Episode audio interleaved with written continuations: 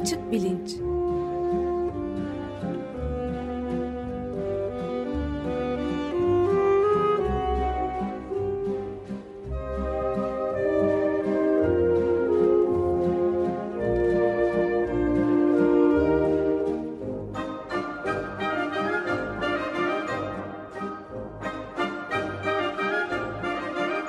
Güven Güzeldere ile bilim ve felsefe sohbetleri. Günaydın Güven Bey. Günaydın Ömer Bey. Günaydın Güven Bey. Ee, günaydın Can, merhaba. Evet, bugün e, bir de konuğumuz var. Hem sizin konuğunuz hem de bizim konuğumuz e, Örsen Öymen.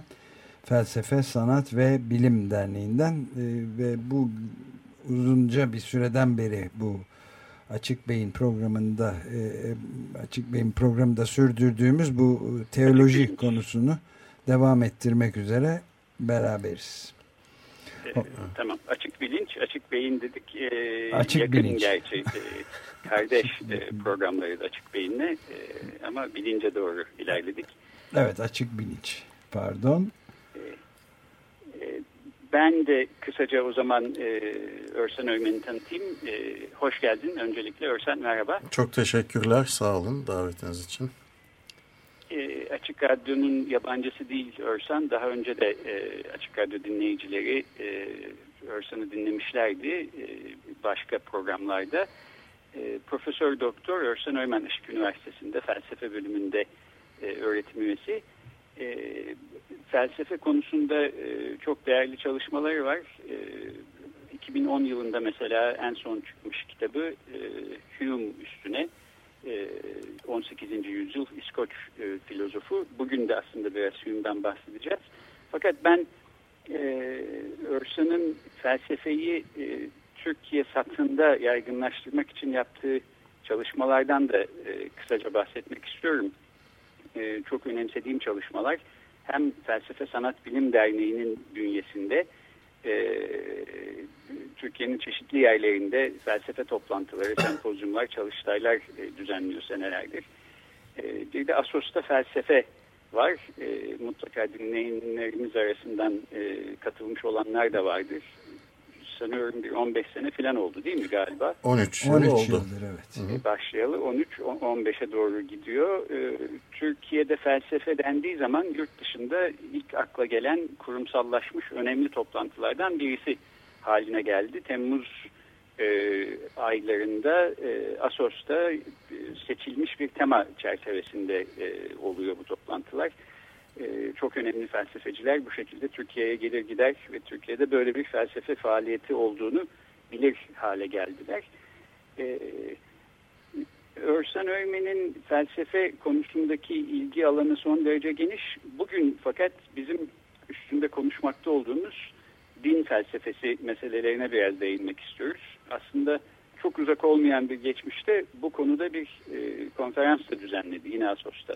Örsen hem belki kısaca biraz ondan bahseder hem de Hume'un agnostisizmi ve Nietzsche'nin ateizmi üzerine e, başlıklı güzel bir makalesi var. E, biz de son haftalardır özellikle e, Tanrı'nın varlığı konusunda zorluk çıkartan felsefe tarihinde argümanlara bakıyorduk. Kötülük problemi üstünde mesela durduk epeyce. E, bundan da bahsediyor Örsen. Dolayısıyla e, konuğumuz olarak bugün e, bu meseleleri bize biraz e, anlatacak diye umuyoruz. Evet. Merhaba, hoş geldiniz diyelim. Çok teşekkürler. Yani Asos'tan başlayayım kısaca isterseniz. Asos'ta felsefe, e, Güven'in de söylediği gibi e, her yıl Temmuz ayının ilk haftasında e, uluslararası boyutta İngilizce düzenlediğimiz bir toplantı. Şubat'ın ilk haftasında da Türkçe olarak düzenliyoruz. Güven Bey'in de sözün ettiği toplantı e, felsefe, tanrı ve din temalıydı. Ve bu yıl Şubat ayında düzenlendi. E, ağırlıklı olarak da e, ateist ve agnostik filozofların e, görüşlerine yer verildi burada. E, televizyonlarda bol bol ilahiyatçılar konuştuğu için biz de dedik bari biz de e, Asos'ta Aristoteles'in e, yaşadığı e, felsefe tarihinin en önemli filozoflarından biri Aristoteles'in vakti zamanında yaşadığı felsefe eğitim verdiği Asos'ta biz de bu konuları ele alalım. Oldukça da ilgi çekti basında da yer aldı. Yani aslında bir nevi bir tabuyu da orada kırmaya çalıştık. Çünkü Türkiye'de ne yazık ki bunlar tartışılamıyor. Yani e, tek tanrıcı dinlerin tezleri işte İslam, Hristiyanlık veya Musevilik bunlar sanki mutlak gerçeklermiş gibi kabul ediliyor. Herkes Müslüman olmak zorundaymış gibi bir anlayış var. Oysa felsefe tarihine baktığımız zaman oldukça çoğulcu bir yapısı var felsefenin. Yani dindar filozoflar da var, dinsiz filozoflar da var. Örneğin işte David Hume, Marx veya Russell, e, Sartre gibi, e, Nietzsche gibi filozoflar, dindar olmayanlar veya Descartes, Leibniz, işte Aquinas, Agustinus, İbn Sina gibi dindar olanlar var. Daha tek tanrıcılık diye bir şey yokken, daha doğrusu Musevilik var ama antik Yunan'da etkili değilken, yani Hristiyanlığı ve İslam dinlerinin doğmasından önce antik Yunan'da ciddi bir felsefe geleneği var. Aristoteles, Platon, Herakleitos, Sokrates, Epikuros gibi bunların hiçbirisi Müslüman, Hristiyan veya Musevi değillerdi. Ee, ve ahlak üzerine, iyilik üzerine, adalet üzerine yüzlerce sayfalık metinler yazmışlardı. Fakat e, yani bu ne yazık ki Türkiye'de hani sanki bunlar hiç yokmuş gibi felsefe biraz da ilahiyata açıkçası indirgenmeye çalışılıyor gibi bir izlenime sahibim. Biraz onu da kırmak istedik açıkçası bu toplantıda. Evet, çok sayıda da insan katılmış. 200 kişi katıldı evet. diyorsunuz. Bir bilgi notu var elimde. Ve bir sürü insan da dışarıda kalmış. O yüz, en az 150 kişi de dışarıda kalmış galiba. Evet yani 200'ü aşkındı. Tam yani salonun iki salon var. Birisi 100 kişilik bir salondu. Bir de ortada bir avlu gibi bir ek salon diyebileceğimiz bir alan var. İkisi de doldu. Bir de dediğiniz gibi dışarıda kalanlar oldu. Dışarıya hoparlör verdik, dışarıya ses verdik. O sayede Harika, bir de barko vizyon falan kurduk. Evet. evet. Ee, oldukça ilgi çekiciydi diyebilirim. Ve herhangi bir belki... şey evet yani herhangi bir şeyde yaşamadık. Yani böyle ciddi bir çatışma ya da yani gayet e, uygar bir ortamda herkes fikirlerini ortaya koydu diyebilirim. O zaman belki bu e, senin düzenlediğin konferansın ışığında hem de bu yazdığın yazının da ışığında e, agnostisizmden ateizme uzanan eksen üzerinde bir parça duralım. Bu ayrımlardan kısaca bahsetmiştik ama e, agnostik olmakla ateist olmak yani bilinemezci olmakla tanrı tanımaz olmak arasında e, bir yandan bir akrabalık ilişkisi belki var diye düşünülebilir. Öte yandan tabii e, ciddi farklar da var. E, Hume'u bilinemezci e, görüşe iten şeyle Nietzsche'yi tanrı tanımazlığa iten de e, son derece farklı nedenler. Belki e, buradan biraz e, konuya geçsek ne dersin? Tabii. E, şimdi ateizm belki iki biçimde anlayabiliriz. Yani bir hani Tanrı yoktur önermesi olarak anlayabiliriz. Teizm malum tanrıcılık demek. Teos'tan geliyor Yunanca Tanrı. Yani teizm dediğimiz zaman tanrıcılığı anlıyoruz. Tanrı vardır önermesini anlıyoruz. Ateizm de onun değillenmiş hali. Tanrı yoktur olarak da anlaşılabilir. Ee, veya daha genel bir ifadeyle ateizmi genel olarak bir tanrı tanımazcı yaklaşım olarak da algılayabiliriz. E, agnostisizm dediğimiz zaman bilinemezcilik yani Tanrı'nın var olup olmadığını bilmiyorum. Yani işte David Hume'un da 18. yüzyılda yaşamış olan İskoçyalı filozof Hume'un da dediği gibi yani Tanrı'nın var olup olmadığı meselesi bir bilgi konusu olamaz. Çünkü zihnin sınırları bellidir, kapasitesi bellidir. Yani e, düşüncelerimiz zaten deneyimlerimizden, izlenimlerimizden kaynaklanmaktadır. İzlenimler dediğimiz şey duyu algılarımız ve duygularımızla ilişkilidir. Dolayısıyla yani tecrübe kapsamım dışında olduğu için bu konular zaten Tanrı tanımı gereği algılanamaz maddeden oluşmadığı için ve tecrübe kapsamı dışında kaldığı için burada bir sıkıntı olduğunu söyler ve aslında Tanrı ne var diyebiliyoruz ne yok diyebiliyoruz. Ama Tabii e, Hume için, yani Hume'un agnostik mi ateist mi olduğu biraz tartışılıyor.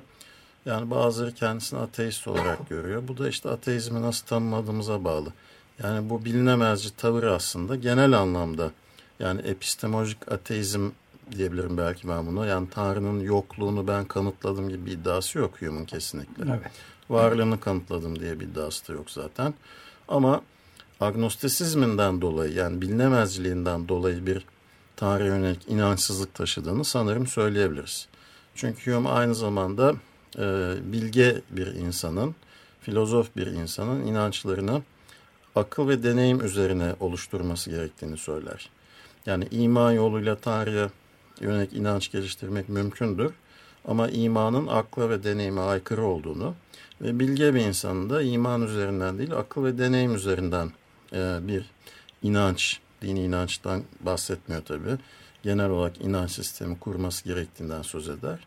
Yani buradan da biliyoruz özel mektuplaşmalarından tabi. Oradan da biliyoruz ki yani Hume hiç ömrü boyunca dindar bir insan olmamıştır. Ee, yani bu anlamda agnostisizmi e, bir ateizm biçimini de içeriyor diyebiliriz. Tabi buradaki argüman evet. ağırlıklı olarak şu daha önce belki konuşuldu ama bir daha özetlemek gerekirse e, Hume nedensellik ilkesiyle ilgileniyor ve e, diyor ki e, e, iki olay yani neden ve sonuç arasında bir ilişki kurabilmemiz için hem nedenin hem sonucun hem etkin hem tepkinin deneyimlenmiş olması gerekiyor. Yani A olayı diyelim ki bir fırtına, B olayı da denizde oluşan dalga. Yani e, bu ikisinin deneyimlenmesi gerekiyor. Yani şöyle deneyimlenmesi gerekiyor. Sürekli bir ardışıklık içerisinde deneyimlenmesi gerekiyor. Yani şunu kastediyor. Ne zaman A olsa onunla birlikte veya onu takiben B de ortaya çıkacak. Ne zaman ben denizde bir fırtına görsem, gözlemlesem, deneyimlesem onunla birlikte bir dalgalanma oluşuyor diyelim ki İstanbul Boğazı'nda. Şimdi dolayısıyla zihin ne yapıyor? Burada bir neden sonuç ilişkisi kurabiliyor.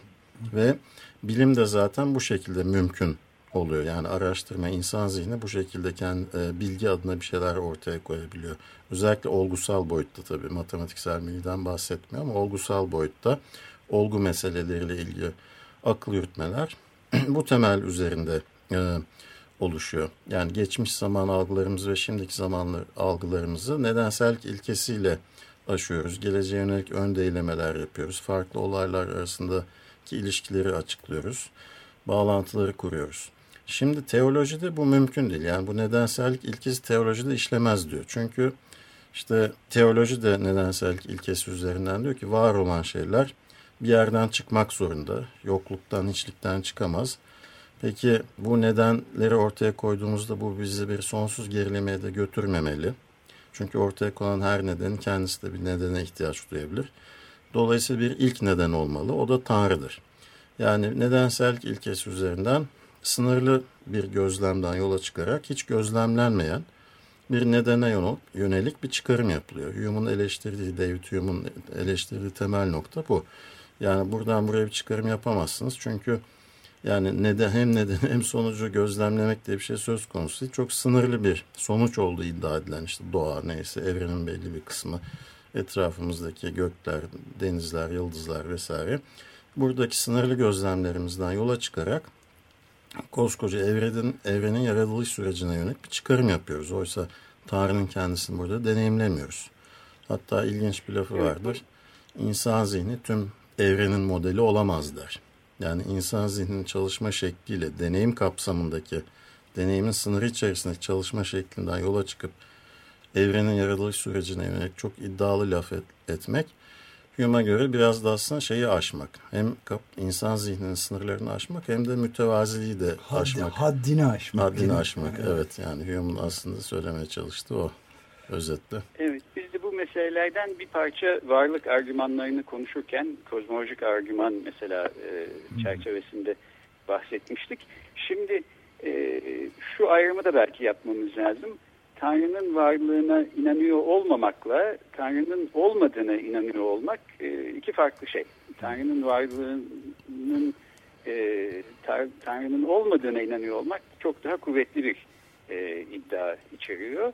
E, agnostikler için de belki Tanrı'nın şu anki durum itibariyle e, var olup olmadığının bilinemeyeceğini düşünmekle bunun belki bir metafizik sorumluluk olarak hiçbir zaman bilinemeyeceğini, mesela insan sınırları, insan zihninin sınırlarını aşacağı için bu bilgi bilinemeyeceğini iddia etmek. İkincisi yine daha kuvvetli bir e, iddia oluşturuyor.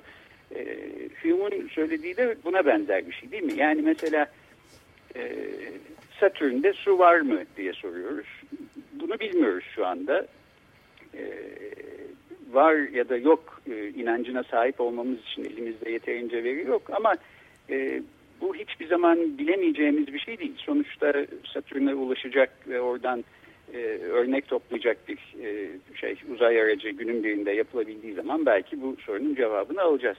Ama Hume'un dediği Tanrı'nın e, e, varlığına dair e, bir bilgiye insan zihni e, hiçbir zaman e, ulaşamayacak. Dolayısıyla e, agnostik olarak e, düşüneceksek Hume'u böyle daha kuvvetli bir iddiada bulunan bir agnostik olarak düşünmemiz lazım galiba. Öyle mi? Yani böyle yorumlanabilir. Bunu çok açık bu şekilde söylemese de hani kategorik olarak bilinemez demese de yani şunu söylüyor en azından. Mesela güneşin doğması o verdiğiniz örnek iyi bir örnek oldu. Yani güneş yarın doğacak önermesi. Yani biz de mesela güneşin yarın doğacağını gözlemlemiyoruz. Ama yani e, şu an itibariyle en azından. Ama geçmişte bunu sürekli olarak gözlemlediğimiz için tümevarımsal bir çıkarım yapıyoruz ve yarın güneşin doğacağına yönelik bir inanç geliştiriyoruz. Bu a priori anlamda zorunlu bir e, yapıya sahip değil. 2 artı 2 eşittir 4 gibi ya da bir karenin kenarlarının uzunluğu birbirine eşittir gibi bir şey değil. Ama sonuçta işte deneyimle siz bunu doğru mu yanlış mı olduğunu ortaya koyabilirsiniz. Şimdi Tanrı hipotezi yani e, bir hani üzerinde çalışılabilecek bir hipotez bile değil. Zaten işte insanın anlamı e, yetisi üzerine bir soruşturma kitabında yani An Inquiry Concerning Human Understanding kitabında e, biliyorsun son bölümde yani elinize bir kitap alın diyor. İçinde matematiksel akıl yürütme var mı? Yok. Olgusal akıl yürütme var mı? Yok. O zaman bunu ateşe atın diyor. Bu çünkü hurafe ve illüzyondan başka bir şey, safsatadan başka bir şey içermez diyor. Tabii bunu e, kitap yakalma anlamda söylemiyor. Bu aslında bir protesto cümlesi. Çünkü 18. yüzyılda işte Voltaire'in, Rousseau'nun e, ve Diderot'un, de Holbach birçok e, düşünürün, yazarın kitapları meydanlarda yakılıyor. İnsanlar idam ediliyor. İşte bunlar dine aykırı kitaplardır falan diye. Bilimsel gelişmelerin önüne e, set çekiliyor, sansürleniyor. İşte Rousseau sürgüne gitmek zorunda kalıyor. Hatta Hume bizzat Rousseau'yu e, İngiltere'ye e, kaçıran kişidir. Evet. Yani arkadaşlıkları var geçici bir süre sonradan gerçi araları bozuluyor. Dolayısıyla yani Hume'un aslında burada tabii bir yandan epistemolojik bir çıkışı var ama bir yandan e, siyasi bir boyutu da olduğunu söyleyebiliriz herhalde bu meselenin. Ama evet, de, dediğiniz de doğru yani evet. E, belki bir boyuttan daha bahsedecektim. Felsefi ve siyasi boyutunun yanında e, Hume'da e, bir psikoloji boyutu da var. E, Hume'un yaşadığı zamanda e, psikoloji kendi başına otonom özel bir e, bilim olarak tesis edilmiş değil henüz. E, psikologluğu da aslında kimi felsefeciler yapıyor, Locke yapıyor, Hume yapıyor özellikle deneyiciler arasında. Hume bir psikolog gibi inançlara sahip olmanın arkasındaki ruhsal ve psikolojik nedenleri de anlatmaya çalışıyor. Belki bu anlamda buradan Nietzsche'ye de bağlayabiliriz. Çünkü Nietzsche de böyle şeylerle ilgili. E, her ne kadar Hume'a göre daha farklı bir yerden e, bir tanrı tanımazlık pozisyonu e, savunuyor olsa da e, insan psikolojisinin içinde dini inancın yerinin ne olduğunu merak etmesi, irdelemesi açısından e, bir orada akrabalık e, görüyorum. E, sen ne dersin? Evet katılıyorum. E, tabii öncelikle bir de belki ahlak konusunda çok kısa iki cümle söyleyeyim. E, o da önemli çünkü Hume ahlakın dinin tekelinde olmadığını savunur. Çünkü genel anlayış şudur. İşte dindarsan ahlaklısın, dinsizsen ahlaksızsın. Oysa Hume yani ahlakın e, dinle e, uzaktan yakından ilgisi olmadığı, daha doğrusu arada bir zorunlu bağlantı olmadığını söyler. Dindar bir insan ahlaklı da olabilir, ahlaksız da olabilir. Aynı şekilde dinsiz bir insan için de geçerli bu. Belki bunu da kısaca bir eklemek gerekiyor ve e, şunu söyler, e, Güven'in de söylediği gibi e, işte korku gibi, endişe gibi, e, işte güvenlik ihtiyacı gibi çeşitli psikolojik e, etkenler yüzünden veya e, ilgi mesela mucizeler için bunu söyler. Bazı insanlar ilgi çekmek ister. İşte e, merkezde olmak ister. ilgi çekmek için bir takım mucizelerle ilgili hikayeler uydurur falan der. Yani insanlar işte ya ilgi çekmek için ya bir takım endişelerden dolayı ya bir otorite sağlamak için bunu da söyler doğal din üzerine söyleşiler eserinde.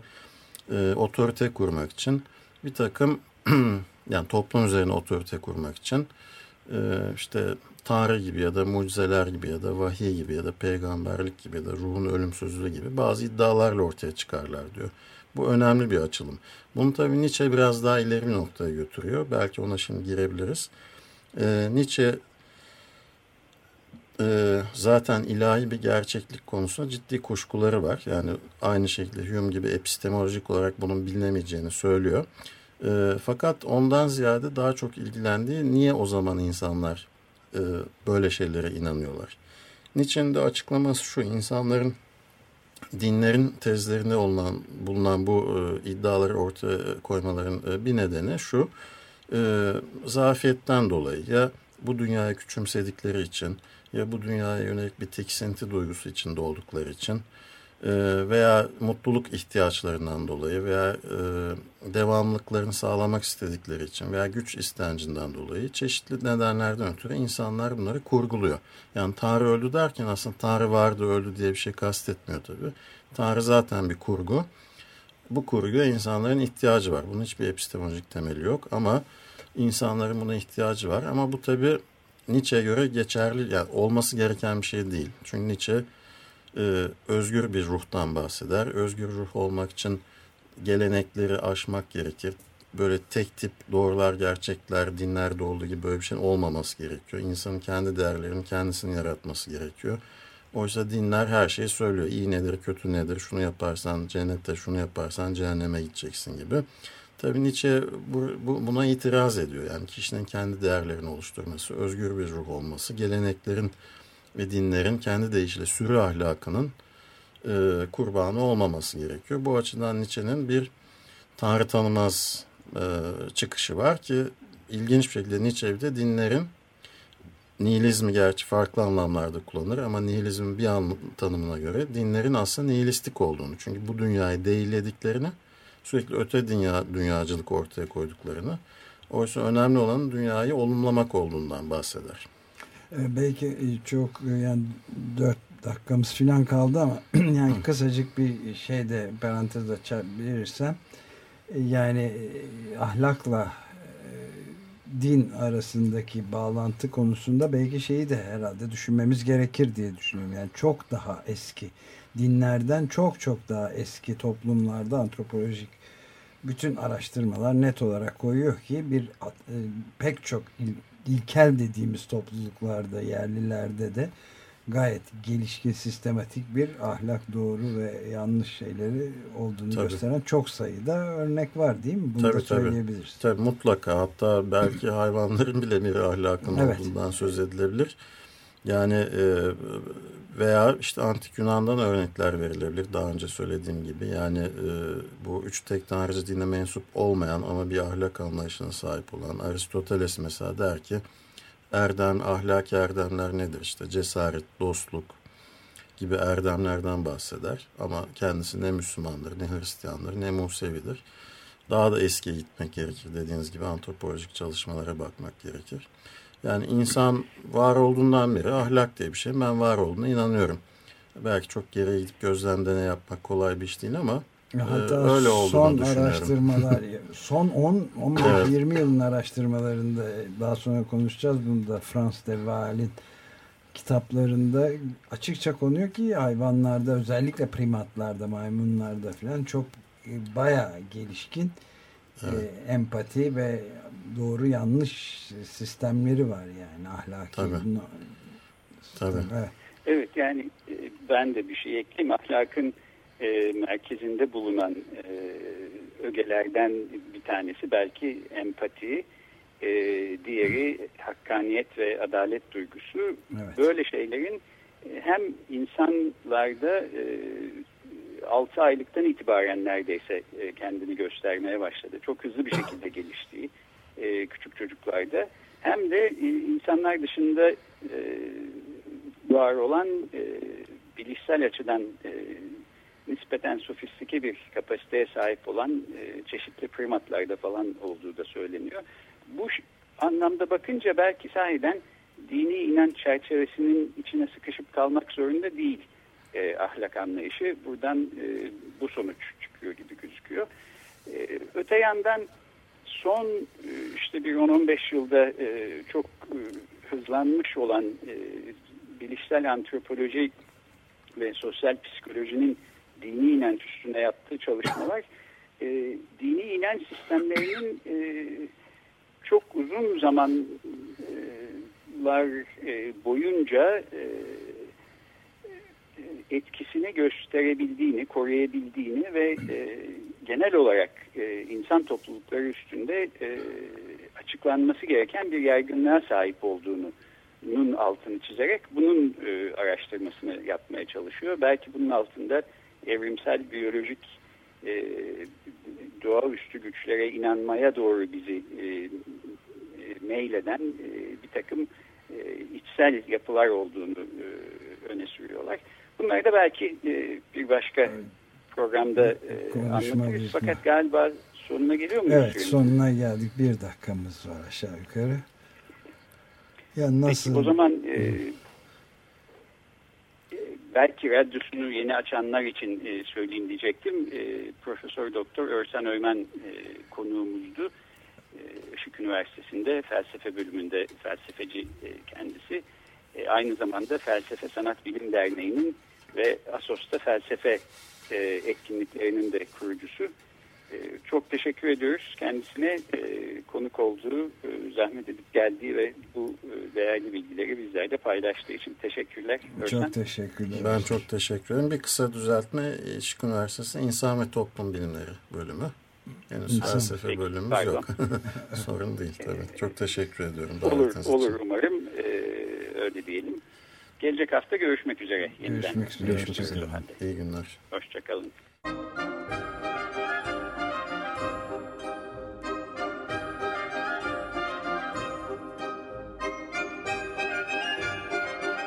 Açık Bilinç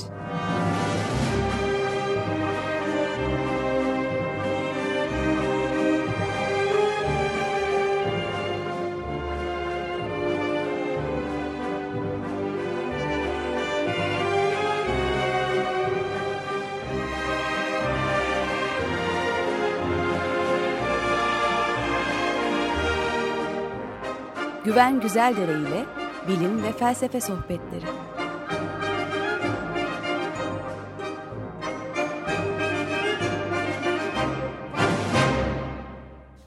Açık Radyo program destekçisi olun.